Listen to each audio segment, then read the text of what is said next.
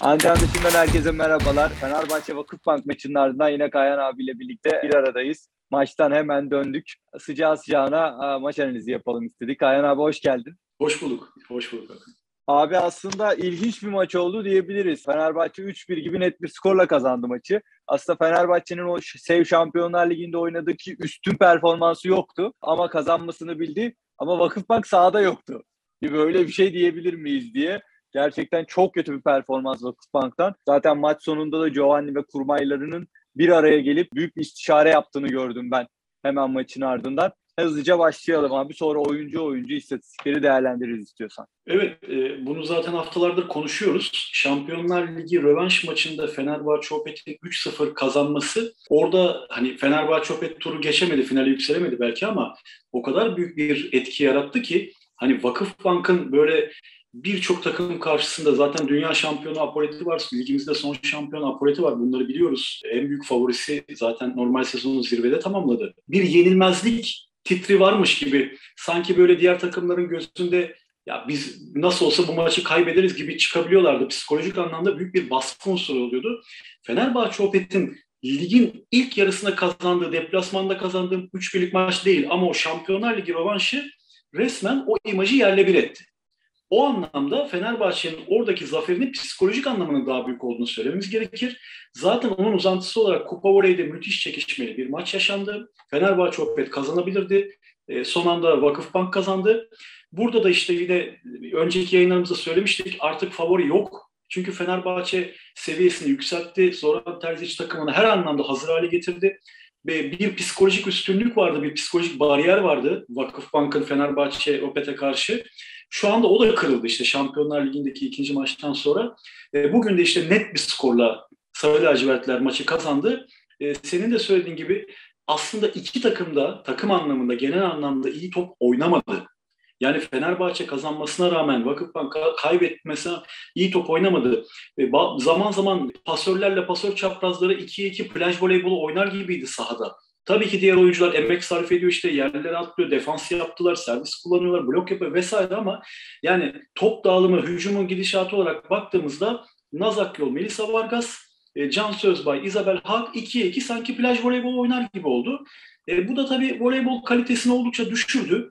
İş bu noktaya geldiğinde çok kritik yerlerdeki, pik noktalardaki oyuncuların kendi standartlarında altında performans sergilemesinden dolayı artık oynayanın değil, daha az hata yapanın kazanacağı bir maça doğru evrildi bu ilk mücadele. Evet.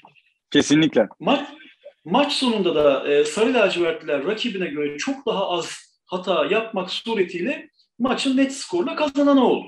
Böyle özetleyebiliriz. Abi ilk sete baktığımızda ilk sette iki pasör çaprazının çok iyi bir performansı vardı. Hani senin daha az önce bahsettiğin şey plaj voleyboluna döndü gibi. Ama orada belki de Fenerbahçe adına en önemli Vakıfbank gerçekten hani hangi oyuncuyu analiz edebiliriz bilemiyorum ama orada Fenerbahçe adına Melia'nın öne çıkan bir 3 sayısı ve Melia'nın iyi bir performansı. Hem savunmada hem de hücumda bence ekstra katkı yapan bir oyuncu görüntüsündeydi. Fenerbahçe adına olumlu bir sinyal, olumlu bir oyun sergiledi Melia. Ne dersin bu konuda? Zaten önceki yayınlarımızda da voleybol severler hatırlayacaklardır. Yani zaten kritik noktalardaki işte pasör çaprazları en önemli skor opsiyonu. Ondan sonra işte lokomotif smaçörler, işte Arina Fedorovseva bir tarafta, Gabriele Guimares bir tarafta ki Guimares'in düşüşte olduğunu Fedorovseva'nın sallantılı bir performans sergini söylemiştik. Evet. E, bu noktada işte Michel Hartley kritik noktalarda çıkıp görevini layıkıyla yerine getiren bir tecrübe unsuru olarak sayıyorduk. Melia İsmailoğlu için bir soru işareti koymuştuk. Çünkü milli smaçörümüzün e, o andaki psikolojik durumu ve sahada kendine güveninin getireceği bir performans çok farklı yerlere evrilebilirdi. Bu maç özelinde konuşacak olursak ilk maç, ilk setin belirleyicisi aslında Melia İsmailoğlu'nun kritik noktalarda, kritik toplara yaptığı hücumlar ve buradan %50 ile top öldürmesi oldu diyebiliriz. Zaten 3 sayıyla bitmiş bir set skorundan bahsediyoruz. Melia İsmailoğlu'nun kalan 3 sette e, üretmediği bir performansı tek sete sığdırdığını görüyoruz. İstatistik kağıdı da bize bunu söylüyor. E, oyunu canlı çıplak gözle seyrettiğimizde de hani ya bu top artık vakıf banka yazar bu sayı dediğiniz hücumları yaptı İsmailoğlu ve oradan sayı çıkarttı. Bu noktada dediğim gibi pasör çaprazları zaten ön plandaydı. Bir nevi plaj voleybolu vardı. Isabel Hak müthiş bir performans sergiledi. Melissa Vargas gerçekten çok üst düzey bir performans sergiledi. Ama belirleyici olan e, Melia İsmailoğlu oldu. Vakıfbank adına ikinci bir oyuncuyu söylememiz gerekirse gerçekten aslında ilk sette sahada kalan, Hak haricinde sahada kalan bir Kübra Akman vardı. Sezon boyunca e, teknik heyet tarafından çok da güvenilmeyen, özellikle Avrupa maçlarında yabancı sınırlaması olmadığında Chiaka Ogogu'ya formayı kaptırıp maçın tamamını kenardan seyreden bir Kübra Akman, ilk çıkışından sonra gittikçe bir düşüşte olduğunu gözlemlediğimiz, hani niye eski seviyesine gelemiyor bu oyuncu dediğimiz Akman, çıktı bugün işte ilk set özelinde iki top aldı ikisini de sayı çevirdi. Çok etkili servisler attı bunlardan bir tanesi doğrudan sayı oldu. Diğerleri rakibin e, manşetten hücum düzenini bozacak ki Fenerbahçe gibi bir hücum takımı, hücum gücü çok yüksek bir takım için çok önemli bu durum. Gerçekten çok etkiliydi ama İsmailoğlu'nun etkisi daha fazlaydı. Bununla birlikte ilk setin tamamına bakacak olursak Sarı lacivertler rakibinden 3 tane daha az hata yaptı. Doğrudan sayıya dönüşebilecek. Yani burada 5'e 2 gibi bir rakam var. Yani Vakıfbank aslında rakibinden daha yüksek yüzdeyle hücum yaptı. Daha fazla blok sayısı üretti. Ama seti kazanamadı. Neden? Çünkü bütün bu minimal farklılıklara rağmen çok basit hatalarla rakibine sayı vermesi sarı siyahların ilk seti kaybetmesindeki en büyük faktör oldu. Abi e, yani istatistiklere ben de bir taraftan bakıyorum. Hani ikinci sete geldiğimizde de ikinci ikinci sette bir Vakıfbank galibiyeti var ama hani orada da Vakıfbank'ın çok aslında belki de maç içindeki standartını tutturduğu bir set gibiydi. Oyuncuların standartını tutturduğu. Mesela orada Gabi'nin yine çok kötü %33'le oynadığını görüyorum. Hak 45'le oynamış. Michel belki de maç içindeki en önemli performansı. Gerçi 5 top alıp ikisini öldürdü. %40'la gibi. Zehra'nın belki de maç içinde tutunan bir diğer oyuncuydu Zehra Güneş. Vakıfbank adına bloksa performansı çok iyiydi altı blok yaptı. Ama onun dışında hani şöyle değerlendirelim Vakıfbank'ı istersen onu sormak istiyorum sana. %17'lik bir hücum Gabi Gimareş, %30'luk bir hücum Michel Barşakli. Belki de herhalde bu maçın özetiydi bu iki oyuncu. Ya şöyle Hakli için %30 kabul edebileceğiniz bir rakam. Evet. Çünkü vak Vakıfbank özelinde takımın çoğu zaman üçüncü, bazen dördüncü, hatta çoğu zaman dördüncü diyebiliriz. Yani şu an net rakamları çıkarmış değiliz ama çoğu zaman dördüncü skor opsiyonundan bahsediyorsunuz. Hakli, yani mevcut yaş durumu itibariyle işte fizik durumu ki bayağı kilolu bir smaçör. Hani bulunduğu pozisyona göre çok ıı, kilolu olduğundan dolayı çabuk yorulması, ağır hareket etmesine sebebiyet verebiliyor. Ama sonuçta Hakli durduğu yeri bilmesi, her pozisyonda nereye gideceğini bilmesi, işte üst düzey tekniğiyle çok iyi manşet toplaması, çok iyi defans yapması ki bugünkü maç üzerinde manşette çok kötüydü. Çünkü gerçekten Zoran Terzi çok iyi bir formasyonla e, Michel Bağış Haklin üzerine kurdu servisleri oyunu. Orada özel başta ilk set olmak üzere Amerikalı smaçör gerçekten çok zor anlar yaşadı. Resmen döküldü diyebiliriz. Son haftalarda hani dedik ya teknik anında camı kırınız diyorduk ama evet. bu maç üzerinde olmadı. Ama yüzde otuz Fenerbahçe Opet gibi bir rakibe karşı böylesine bir hedef maçta kabul edilebilir bir yüzde. Ya gel gelelim Gabriele Guimas'tan bahsedecek olursak yüzde on yedi yani akıllara zarar. Gerçekten üzerinde çokça konuşulması, düşünülmesi, çokça video analiz yapılarak düzeltilmeye çalışması ki bunun için Vakıfbank'ın iki günü, üç günü var diyebiliriz. Gereken bir husus. Yani Gabriele Guimares bu performansın devam ettiği takdirde hani Fenerbahçe bugün kötü oynadı dedik işte o da iyi oynamadı. Sadece vasat civarında e, bir Eda Erdem, vasatı biraz geçen Melisa Vargas'la maç kazandı Sarı Lacivertler. Gabriele Guimares böyle performans sergileyecekse bundan sonraki maçlarda Fenerbahçe'nin de çok yükseğe çıkmasına gerek yok. Yani kesinlikle. bu çizgiyle devam edip rahat rahat şampiyon olabilir. Yani Dolayısıyla kesinlikle. Vakıfbank'ın en önemli iki numaralı skor opsiyonu yani bir yüzde kırkların üzerine çıkmalı ki Vakıfbank bir maçta söz sahibi olsun. Bu söylediğimiz dediğim gibi Fenerbahçe, Opet gibi e, şampiyonluk yarışında işte çok üst düzey, çok kaliteli bir takım için değil. Ya orta karar bir rakip olsaydı bugün Vakıfbank'ın bu rakamları karşısında yani bugün 5-8 mücadelesi vermiş takımlardan işte bir PTT bir Galatasaray Vakıfbank'ı çok çok zorlayabilirdi böyle bir rakam karşısında. Dolayısıyla hani düzeltilmesi gereken durumların başında geliyor Brezilyalı smaçörün durumu. Abi kesinlikle doğru diyorsun. Hani e, büyük olasılıkla hani form düşüklüğünü 3 herhalde 3-4 maçtır söylüyoruz. Ee, tabii ki de yüksek formdan gelen bir oyuncunun e, tabii ki de bir düşüşü olur her zaman. Yani her oyuncuda bu form düşüklüğü yaşanır zaten. Ee, belki de Gabi o sürecin içindedir gibi hissediyorum. Bence toparlayabilir, kesinlikle toparlayacaktır ama çok kısa zamanda toparlaması gerekiyor. Hatırlıyorsan ama Eda'da da e, kaptan kısa sürede toparlaması gerekiyor demiştik.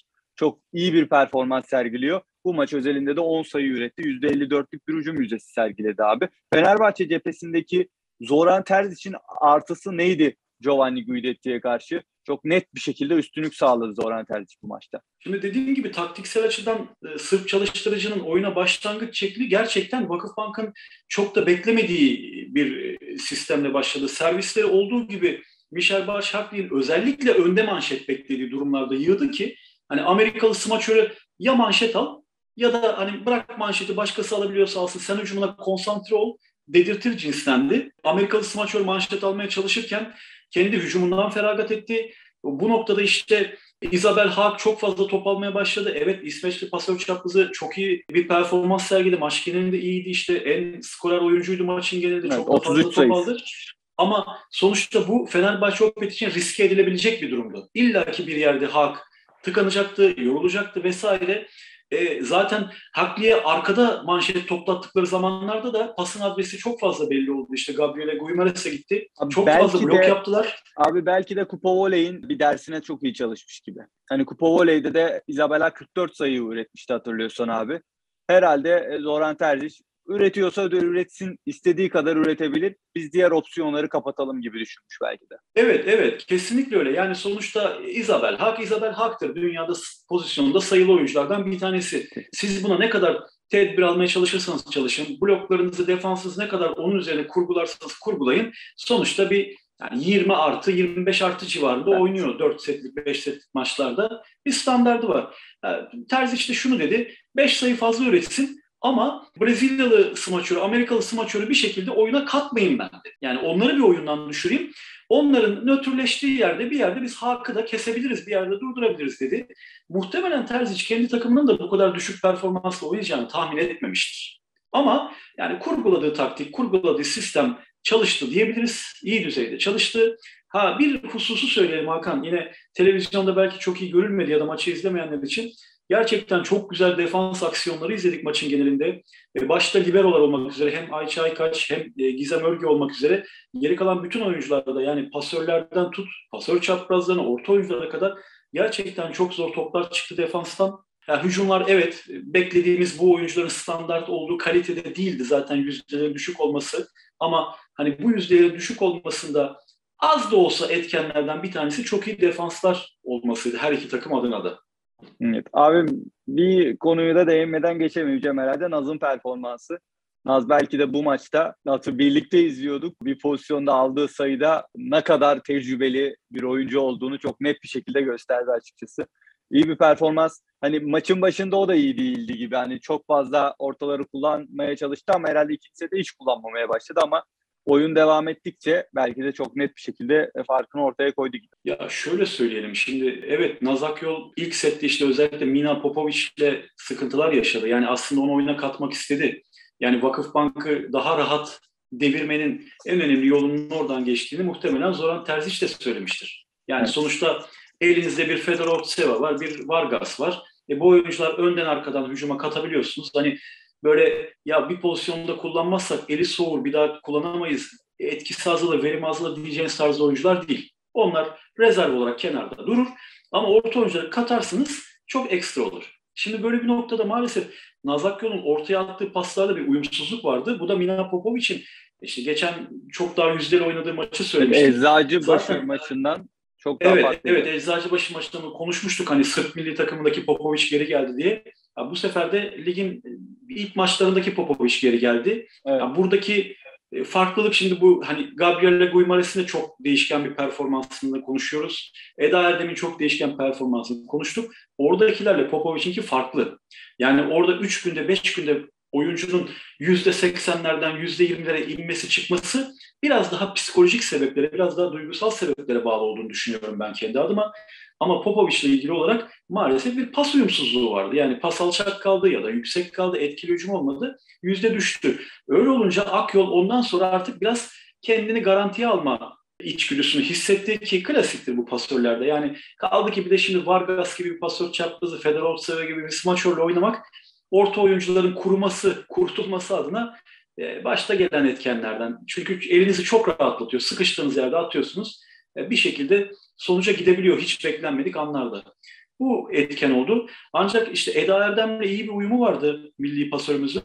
Özellikle Eda Erdem'in çok sevdiği iki numaraya tek ayak hücumlarında. Evet. E, evet orada da paslarda hata oldu. Orada da mesela hani Eda Erdem'in arkasına düştüğü oldu. İşte fileye çok yakın geldiği oldu. Ama işte Eda Erdem orada hızıyla ve tecrübesiyle e, çok zor yerlerde sayıya gitmeyi bildi. Vakıfbank'ın işte defans kurgusundaki hatalar da zaman zaman bunda pay sahibi oldu. Ama yeterince kullanılmadığını ortaların bu maç özelinde söyleyebiliriz. Hem Vakıfbank adına hem de Fenerbahçe Opet adına. Evet aslında burada birazcık Zehra'nın performansı iyi gibiydi. Blok e, şeyinde bir ara çok sinirlenmişti Giovanni yine Zehra'ya. Aslında şöyle şu buradan Vakıfbank'a dönmek istiyorum abi. Herhalde dördüncü setin ortalarına doğru artık Giovanni'nin yüz ifadesini hepimiz çok net bir şekilde gördük. Artık herhalde maçı net bir şekilde bıraktı gibiydi Giovanni.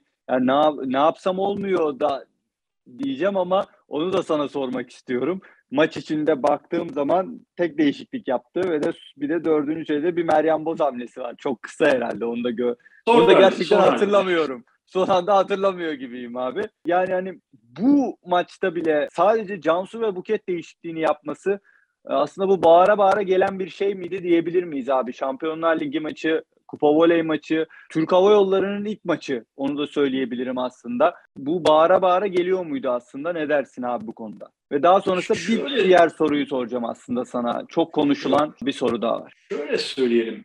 Şimdi Giovanni Guidetti Türkiye'deki ilk yıllarında bu tarz durumlarda kenarda ne olursa olsun, kenarda kim olursa olsun bir şekilde sahaya sürüp orada ya içerideki bana istediğimi veremiyor. Kenardakini denerim, verebiliyorsa verir, Veremiyorsa onu da alır, diğeriyle devam ederiz şeklinde bir yaklaşım olan antrenördü.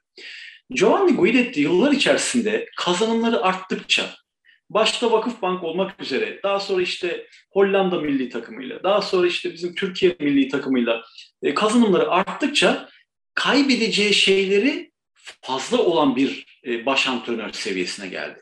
Hmm. Şimdi bu tarz durumlarda genelde birçok antrenör bu eskiden yapmış olduğu o tarz değişikliklere girmeye korkar. Şimdi sağ içerisinde işte gördük ikinci sette miydi Gabriele Guimares birin, e, üçüncü sette miydi yüzde onla top öldürüyor. Hemen bakayım abi. Bir, bir üçüncü set abi yüzde on. Yüzde onla top öldürüyor. Yani on top gönderiyorsunuz bir tanesini sayı Zaten çeviriyor. aynısı böyle. Yani şimdi, 10 topun biri. E şimdi şunu sorarlar adama ya sen bu adama bilmem kaç yüz bin euroyu 10 toptan birini sayıya çevirsin diye mi getirdin veriyorsun derler adama. Şimdi e bu noktada sonuçta karşınızdaki o işte özellikle Şampiyonlar Ligi yarı final maçı, çeyrek final maçı işte Kupa Voley'de vesaire bilmem ne takımın en önemli sürükleyicisi olmuş, lokomotifi olmuş Brezilya milli takımının smaçöründen bahsediyorsunuz. Kazanmadığı başarı kalmamış bir oyuncu. Ama o anda yok sahada. Evet. Çok büyük bir bu, ikilem. Bu bir de bir her oyuncunun için. her oyuncunun başına gelebilecek bir durum aslında. Evet evet çok büyük bir ikilem. Genelde bu tarzda antrenörler şunu bekler. Ya bu oyuncu bana 3 gün önce Olmayacak yerde tur gidiyor derken turu getirdi. Olmayacak yerde kupa gidiyor derken işte Fenerbahçe Opet olan kupa voley finalinin son rallisinde topu öldürüp kupayı getiren e, Gabriele Guimares şimdi voleybol severler hatırlasın. E şimdi şunu diyorsunuz ya hadi ben bu oyuncuyu kenara alayım %10'la top öldürüyor. Yerine Derya Cebecioğlu'nu koydum. E, Tuğba Şenoğlu'nu koydum. Bunlar bana acaba hani %10'u bile verebilir, verebilir mi bir sorusu var. Daha fazlasını da verebilirler. O an hani denenebilir. Ama işte antrenörler kaybedeceği şeyleri arttıkça bu tarz değişikliklere girmeye daha çok korkuyorlar. Ha ne var? Ön tarafta Gabriele Guimares tıkandı bir şekilde çeviremiyor. E, ön tarafta çok fazla manşet almasına da ihtiyacınız yok. Manşetini e, refüze edebilirsiniz. Arkadaki oyunculara onu yıkıp onu çevirebilirsiniz. Belki daha yüksek bir oyuncu gibi görünen fizik kapasite olarak daha taze bir oyuncu olarak Meryem Boz girip ya bir tane top öldürsün, iki tane top öldürsün, şu ön turu bir çevirelim. Sonuçta turu çeviremiyoruz. İşte Fenerbahçe'nin 5 sayılık 6 sayılık serilerini gördük. Ha, Vakıfbank'ın da serisini gördük işte 6-7 sayılık ama yani bu tarz değişiklikler olabilirdi ama Giovanni Guidetti bunlara güvenmedi. Öyle bir riske girmedi. Sorunu sadece Can Sözbay'ın zaman zaman hatalı tercihleri, zaman zaman da pas seviyesinin olması gerekenden düşük olmasına bağladı. Buket Gülübay aldı. E, Buket Gülübay da İtalyan çalıştırıcının istediklerini sahaya yansıtamadı. Sonuç itibariyle o değişiklikler çok da bir şey getirmedi. Ha, bunun haricinde kenara baktığınızda ne görüyorsunuz? E, bu arada Vakıfbank'ın yapabileceği hamle anlamında bir Chiaka Bogu var Amerika milli takımının orta oyuncularından. Müthiş bir patlayıcı kuvvet, müthiş bir güçle bir dinamizm getirebilirdi. Blokta daha fazla karşı tarafı korkutabilir. Topu öldürmese de elinden sektirip arka taraftan ikinci bir hücum şansı doğurabilirdi. Fakat işte az önce de söyledim Kübra Akman çok iyi bir performans gösterdi. E, Zehra Güneş çok fazla gelgitler yaşamasına rağmen işte zaman zaman bloklarda özellikle Arina Fedorovseva'yı çok iyi durdurdu bazı sekanslarda. E şimdi böyle bir durumda da hani zaten oynayan, dönen dişliler söz konusu. Neden bunları dışarı alayım? Yabancı sınırlamasından dolayı ve bu sefer içerideki beklentim olan oyunculardan biri de dışarı çıkmak zorunda kalacak diye düşünmüş olabilir. Dolayısıyla bu hamlelerin hiçbirine girmedi İtalyan çalıştırıcı. Pasör değişikliğiyle durumu kotarabileceğini düşündü ama olmadı. Hem de yani kötü oynadığını, kötü, genel anlamda iyi, vasatın altında oynadığını söyleyebileceğimiz bir Fenerbahçe'ye karşı. Ya belki de abi ikinci set mi kandırdı Giovanni'yi diye düşünüyorum. Hani alınan bir set olduğu için mi kandı? Yani ben hani birlikte söylediğimizde hani Vakıfbank yok gibiydi sahada. Gelmedi falan diyorduk hatırlıyorsan abi o dönemde. Yani niye? Yani sonuçta kenardaki oyuncular da hani şey değil hani bu kenarda baktığım zaman abi şimdi bakayım Tuğba Şenoğlu var. E, Chiako Ogbogu var. Melis Gürkaynak var. Meryem Boz var. Hani Melis'i bir tarafa bırakmak istiyorum ama diğer oyuncuların hepsi milli oyuncu. Birisi de Amerikan milli takımının as oyuncularından birisi yani sonuç olarak. Hani bir değişiklik yapmaması sen burada herhalde az önce de dediğin gibi antrenörün sahadaki oyuncunun hani bir şey yapar, elinde sonunda bir çözüm bulabilir, geçmiş düşüncelerini, geçmiş oyunlarına bakarak verdiği bir karar olarak düşünüyorsun. Evet evet yüksek bir kredi kullanımından bahsediyorum ben burada. Yani bu bugün işte Michel Başaklı olsun, Gabriele Guimares olsun yani o kadar büyük kredisi var ki bugün Vakıfbank'ta ve Giovanni Guidetti'nin gözünde. Bu kadar kritik maçta, o kadar kritik anda, o kadar basit hataları yaparken bile onları kenara almayı düşünmedi. Ha, bu noktada şunlar da tabii ki sorgulanacaktır. E, o zaman bu senin kenardaki oyuncularının hani çapı bu kadar mı? Yani bu Vakıfbank'ın kadro derinliği var, kadro genişliği var diye konuşuluyor. Ligdeki en geniş kadro lafları dolanıyor ortalıkta sezon başından beri.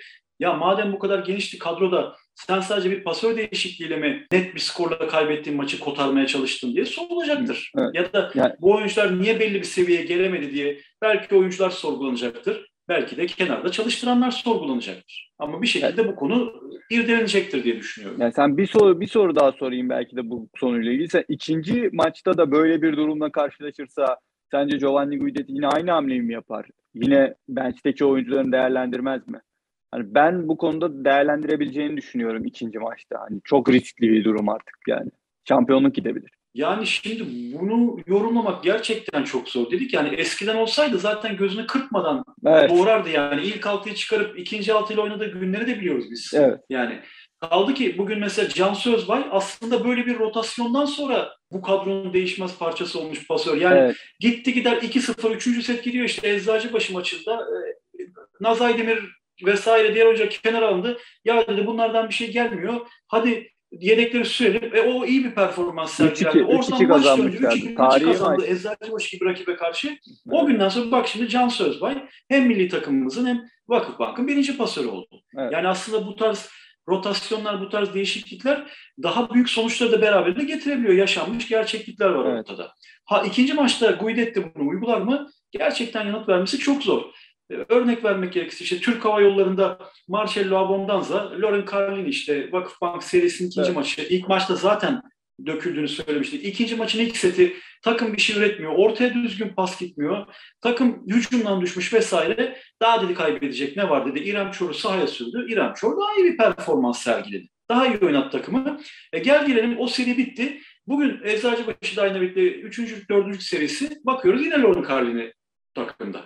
Yani bu mantalite yorumlamak kolay değil. Hani bu iletti sonuçta buraya kadar bu kadroyla geldiğinin farkında olan bir teknik adam. Herkes gibi bu kadroyla başlayacaktır. Bu kadrodan maksimum verimini alıp vasat seviyesinde bir oyun oynadığı takdirde bugünkü Fenerbahçe'yi çok rahat geçebileceğinin farkında. Dolayısıyla bunu deneyecektir ama iş, işler 3 sonra da bugünkü gibi gitmeye başlarsa ben de senin gibi artık yani ya artık kaybedecek bir şey kalmadı yapalım yapacağımızı diyeceğini tahmin ediyorum. Artık o yani o zaman hani bu konuyu kapatayım o zaman bench'teki oyuncuların da hani birazcık daha düşünmesi gerekecek gibi hissediyorum ben.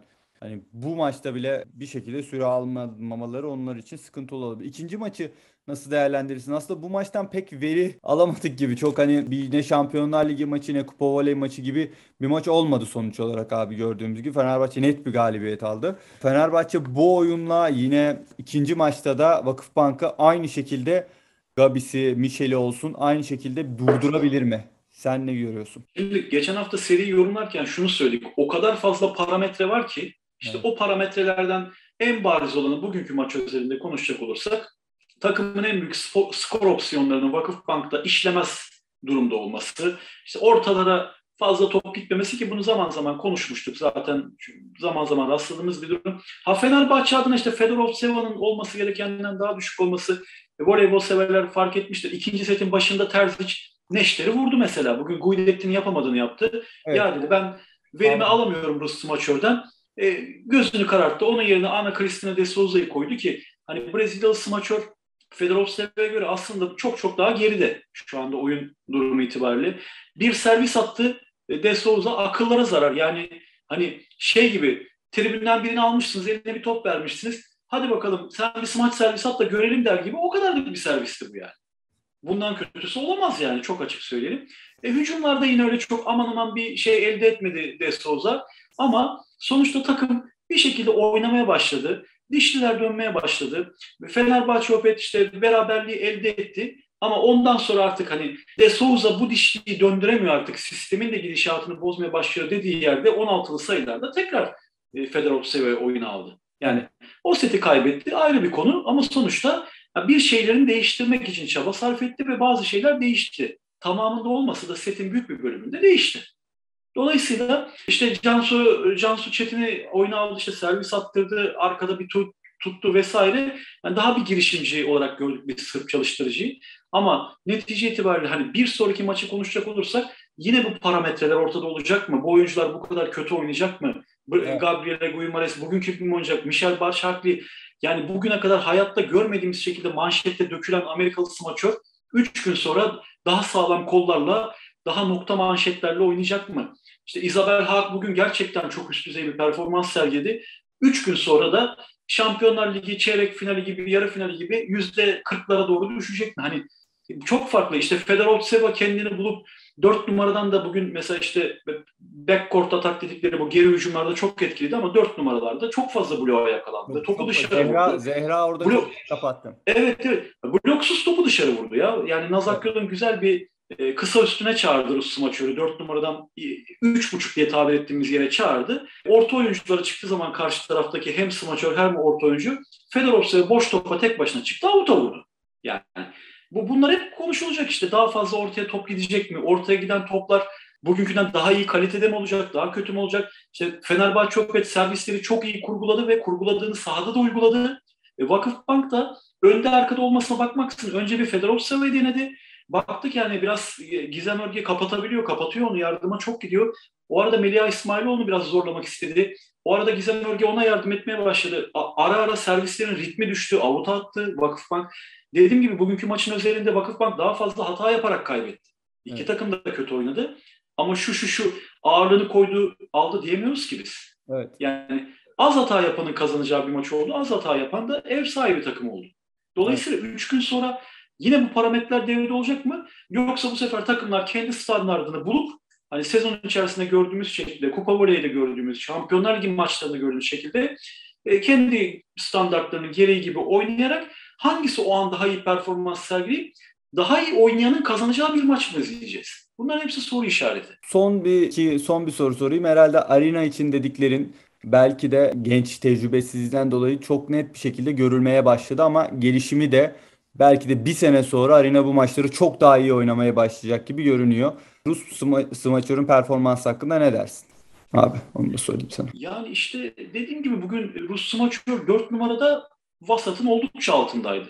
4 numarada. 6 numara attı. Geri hücum ataklarında kendi standartlarını tutturdu. E, smaç servisleri de etkiliydi. Zaman zaman hata yaptı. Olabilir. Herkes yapacaktır. Sonuçta üst düzey antrenörler, bu işin bilimini yöneten antrenörler şöyle söylerler.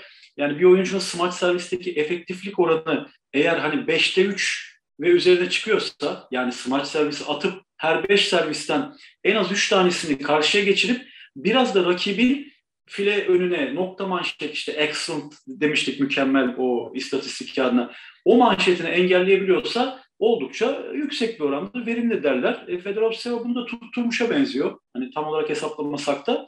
Bu bakımlarda iyi. Senin de söylediğin gibi şu an bir tecrübe eksikliği var. Bunu zaman içerisinde giderecek işte yaz turnuvalarında, dünya şampiyonalarında Rus milli takımıyla ki Rusya diye bir takım olmayacak ama hani olimpiyat komitesinin koyduğu abuk sabuk isimlerden bir tanesi herhalde göreceğiz. Şu e, katılma tekrar yasaklanmazsa neler olacağı da şimdi her şey gibi şu anda. Şu anda Sadece yasaklandı değil. abi. Şu anda takımlar yasaklandı. Başka takımları aldılar. Bulgaristan ve Çin'i Çin'i aldılar erkeklere. Kadınlara Bulgaristan aldılar. Hani olimpiyatlarda ne olur bilemiyorum tabii ki de. Yani uzun vadede sonuçta illaki bu oyuncular oynayacak bir yerde. Yani bu da ila nihaya sürecek hali yok. Yani sonuçta bir yerde hani sporu bundan soyutlayalım diyeceklerdir diye düşünüyorum ben. Onun haricinde özel turnuvalar olacaktır. Sonuçta hani e, yakın çevrede çok fazla birbiriyle etkileşim olan Çin, Tayland, Japonya gibi değişik voleybol ekolleriyle oynayabilecek. Bunlar da bir tecrübe kazanır. Resmi turnuvalar olmasa bile. Evet. E ondan sonra işte geleceği çok açık, daha yaşı çok genç dedik. Ama daha önceki haftalarda söylemiştik. Hatta bazı sarı lacivertli taraftarlardan bize e, sitem edenler olmuştu. Bu çok üst düzey bir oyuncu. Rus milli takımının baş smaçörü. Dünyanın her takımında oynar. Her işi yapar vesaire vesaire. Ama bugün işte kağıtta söylüyor. Biz de canlı gözlerle seyrettik orada. Yani şu an o söylenen seviyede değil. Zaman zaman bu tarz e, tecrübe gerektiren maçlarda o durumun ağırlığını kaldıramıyor Fedorov Seva. Ki yani bunu da herhalde en iyi gören, en iyi bilen, tabii en iyi bilen Terzic'tir ki bugün söyledik işte ikinci sette aldı kenara. Yani evet. Ha, bir ters demişken Hakan'cığım bir hususu daha söyleyelim. Yani haftalardır, aylardır, sezon başından beri, geçen sezondan beri sürekli eleştiri, sürekli eleştiri. Gönderin bunu, kovun bunu, bunun ne işi var, bu ne anlar taktikten. Ya biz burada iyi antrenör dedik, kariyeri ortada, yaptığı işler ortada ama kimseyi inandıramadık. Ya bizi de eleştirdiler. Ya siz ne biçim adamı övüyorsunuz, siz ne biçim... Ya övmek değil, ne gördüysek sahada onu burada yorumluyoruz. Bakın arkadaşlar, bakın özellikle Fenerbahçeli arkadaşlar. Yani e, Kupa voley finalini gördünüz. Şampiyonlar Ligi rövanş maçını gördünüz. Bugünkü maçı da gördünüz. Yani artık hani Terzic'i e, arkasına teneke bağlamaktan vazgeçin ya. Yani rüştünü ispat etmiş bir antrenör söz konusu. kupanın değil ama hani belki de hani e, uzun bir süredir kupa kazanmamanın hasretinden kaynaklı diyebiliriz belki de o duruma. Ama tabii, tabii, tabii. Terzic'in kariyerine e, kimsenin e, bir şey söyleyeceği yok tabii ki de ortada yani. Abi kapatmadan önce de burada konuştuktan sonra başardığımız bir şeyden bahsedelim herhalde. O da hem bizim hem de seyircilerimizin sayesinde oldu herhalde. İstatistik kağıdında Kübra Akman ismini sonunda görmeyi başardık.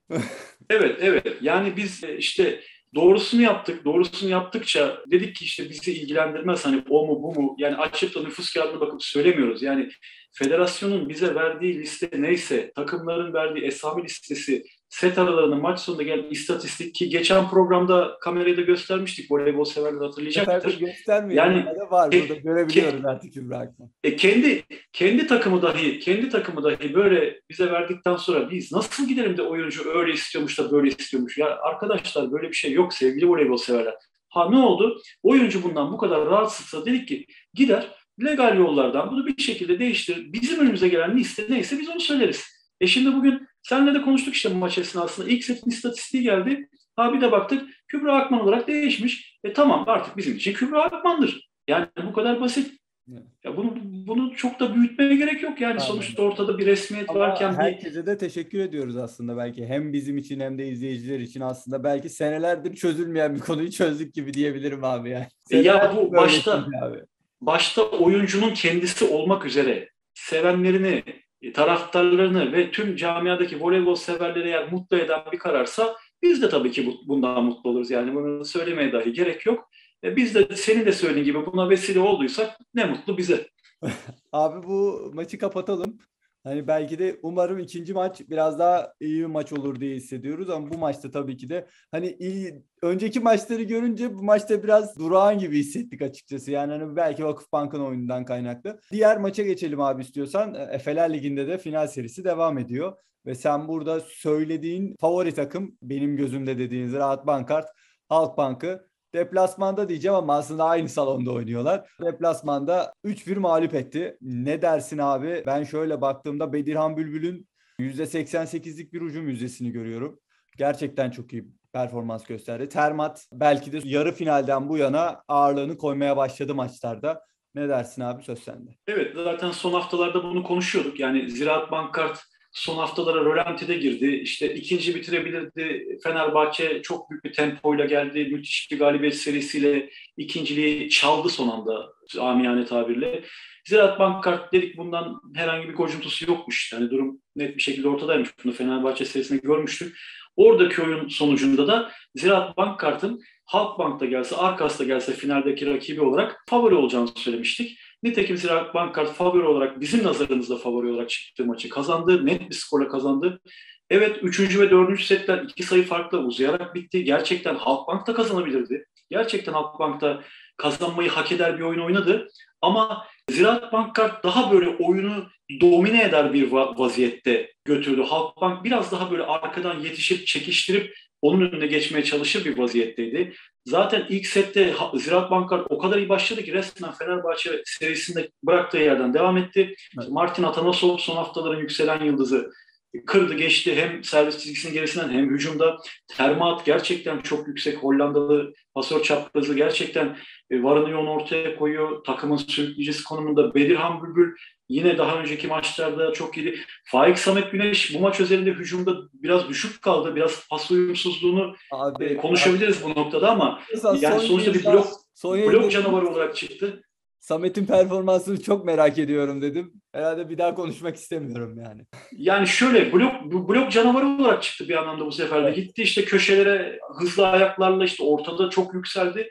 Gerçekten yani hücumda çok yüksek olmasa da blokta gereğini yaparak yeterince katkıyı verdi. Zaten tam bir Ziraat Bankkart dominasyonu vardı ilk sette, üstünlüğü vardı. İkinci sette Taner Hoca artık e, baktı ki hani iş bir şekilde ciddiye bindi, hani zorlanıyor. E, o rotasyonda sonradan yer değiştiren Aslan Ekşi, Bojilar, Vucicevic ikilisini değiştirip tekrar orijinal ikilisine dönmüş. Selçuk Keskin bir evet. deneyim abidesi, e, milli pasör. Yine Fernando Hernandez işte sakatlı sanırım beş tane çıktı oynadı. Yani vasat diyebileceğimiz civarda bir voleybol oynadı Kübalı pasör çaprazı. Kritik noktalarda etkili işler yaparak ikinci seti takımına kazandıran isminin başında geliyordu. Ama işte Nicolas Bruno o sezon genelindeki gördüğümüz performansına değildi. Yiğit Gülmezoğlu için aynı şey söyleyebiliriz. Efe Bayram için yani bu Halkbank'ı biraz düşüren faktörlerdendi. Yine Ziraat Bankart'ın servis temposunun daha uzun sürelerde Halkbank'tan etkili olduğunu gördük. Ama dediğim gibi Halkbank da maçı kazanabilirdi. Gerçekten öyle bir rekabet gitti. Yani üçüncü sette bir kırılma noktası demeyelim ama yani çok kritik bir olay yaşandı. Gerçekten yani Türk hakemliği adına olumsuz görüntülerdi. Bizim de televizyonda izlediğimiz. Skor 23-23 iken bir filo üzerinde her iki takım oyuncularının da karşılıklı blokout yaptırmaya çalıştığı bir pozisyon oldu. Başhakem Yavuz Akdemir topu Halkbank'a verdi. Ziraat Bank kart oyuncuların elinden gittiğini söyleyerek Ziraat Banka itiraz etti. Görüntü değerlendirme sistemine gitti. Benim işte burada notlarım da var. Hemen şuradan bulabilirsem voleybol severlere söyleyeyim. Yaklaşık 4 dakika 43 saniye civarında bir inceleme süresi oldu. Yani yardımcı hakem baktı, gitti başhakeme söyledi, geri döndü bilmem ne. Yani aslında yapılması gereken ilk etapta kritik bir pozisyondu. Bütün kamera açılarının izlendikten sonra kararın verilmesiydi ama Yavuz Akdemir ki uluslararası hakem kendisi ama maalesef orada hani bilemiyorum bir anlık dalgınlığa mı düştü yahut da işte basiretin bağlandı nasıl tabir edelim. Orada ilk görüntü izledikten sonra topu Halkbank'a verdi yeniden. ilk kararın arkasında durduğunu gösterdi. Ziraat Bank kart tarafına da şöyle bir hareket yaptı. Ekrandan aynen şöyle gördünüz ki bu hareketin voleybol hakemlik dilindeki anlamı o taraftaki takımın top taşıma yaptığı şeklindeydi. Bunu e, maçı yayınlayan kanalın spikeri de söyledi. Garip bir top taşıma kararı verildi dedi ki görüntülerde bunu teyit ediyor. Daha sonra itirazlar yükseldi. Bir daha kameraya bakıldı. İşte Yavuz Akdemir ne yaptığının farkına mı vardı ya da bir yerden uyardılar mı? Tekrar dedi ki değişik açılardan bakalım dedi. Netekim ters açıdan bakıldığında topun Halkbanklı oyuncuların elinden dışarı gittiği görüldü. Kararını düzeltip sayı Ziraat Bank karta verdi. Ha, ondan sonra bu sefer Halkbank cephesi isyanlara girdi haklı olarak. Çünkü iki sefer teyit edilmiş, üçüncüsünde değiştirilmiş bir karar. Dediğim gibi hakemlik açısından kesinlikle yaşanmaması gereken bir şeydi. O el hareketi kesinlikle yanlıştı. Biz sonraki duyumlarımızda Yavuz Akdemir'in e, şöyle bir beyanatını öğrendik. E, buradan voleybol severlere söyleyelim. Ben kararımı verdim. E, Halkbank'ın sayısıdır.